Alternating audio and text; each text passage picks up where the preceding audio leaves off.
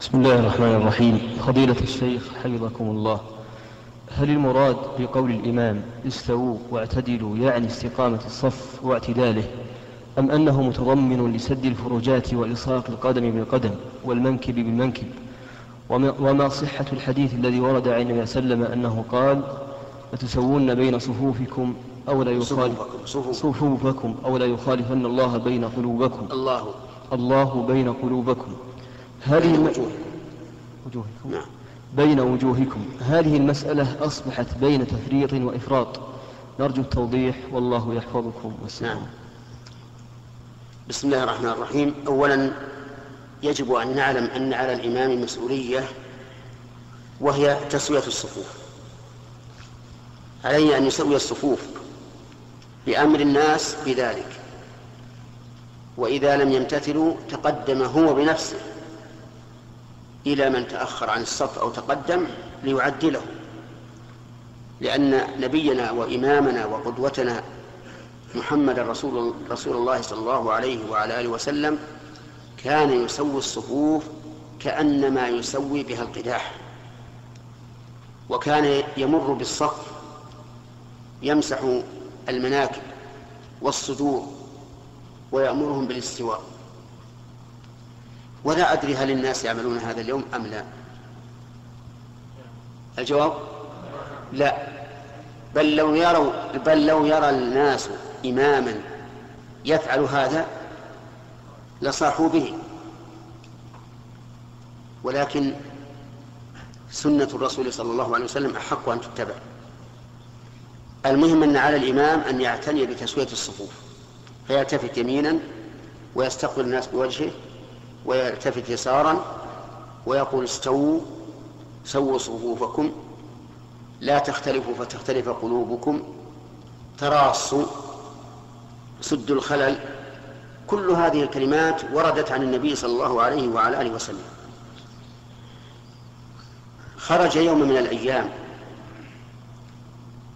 بعد أن عقل الناس عنه تسوية الصفوف وصاروا يسوونها فرأى رجلا باديا صدره. يعني متقدما بعض الشيء. فقال عباد الله لتسون صفوفكم أو ليخالفن الله بين وجوهكم. وعيد. ومخالفة الله بين الوجوه قيل فيها معنيان. إما أن الله يدير وجه الإنسان يكون وجهه إلى إلى إلى كتفه والعياذ بالله. وإما أن المراد لا يخالفن الله بين وجهات نظركم فتفترق القلوب وتختلف. لقوله لا تختلفوا فتختلف قلوبكم. وأيا كان سواء لي الرقبة حتى يكون الوجه إلى الجانب إلى جانب البدن أو أن المراد اختلاف القلوب. كلها وعيد شديد. وهذا يدل على أنه يجب على الإمام أن يعنى بتسوية الصف. لكن لو التفت ووجد الصف مستقيما بالتراص والتساوي في المكان هل يقول استووا أو لا يقول؟ الظاهر لي أنه لا يقول. يعني مثلا لو كان وراءه رجلان فقط. التفت وإذا هما متساويان ومتراصان وعلى الوجه المطلوب. فلا حاجة أن يقول استووا. لأن هذه كلمة لها معناها.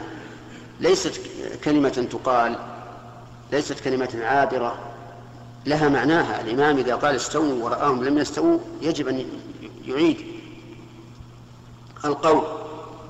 وألا يكبر إلا وقد استوت الصفوف ألم تعلموا أن أمير المؤمنين عمر رضي الله عنه وكذلك عثمان لما كثر الناس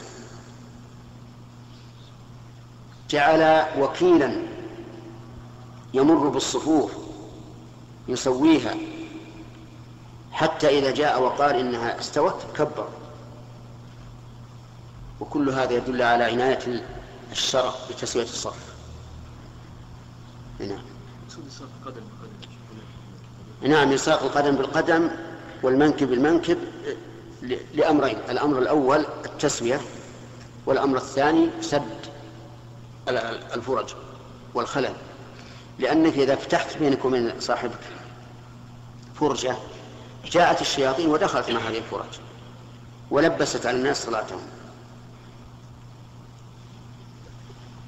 في سؤال عندك؟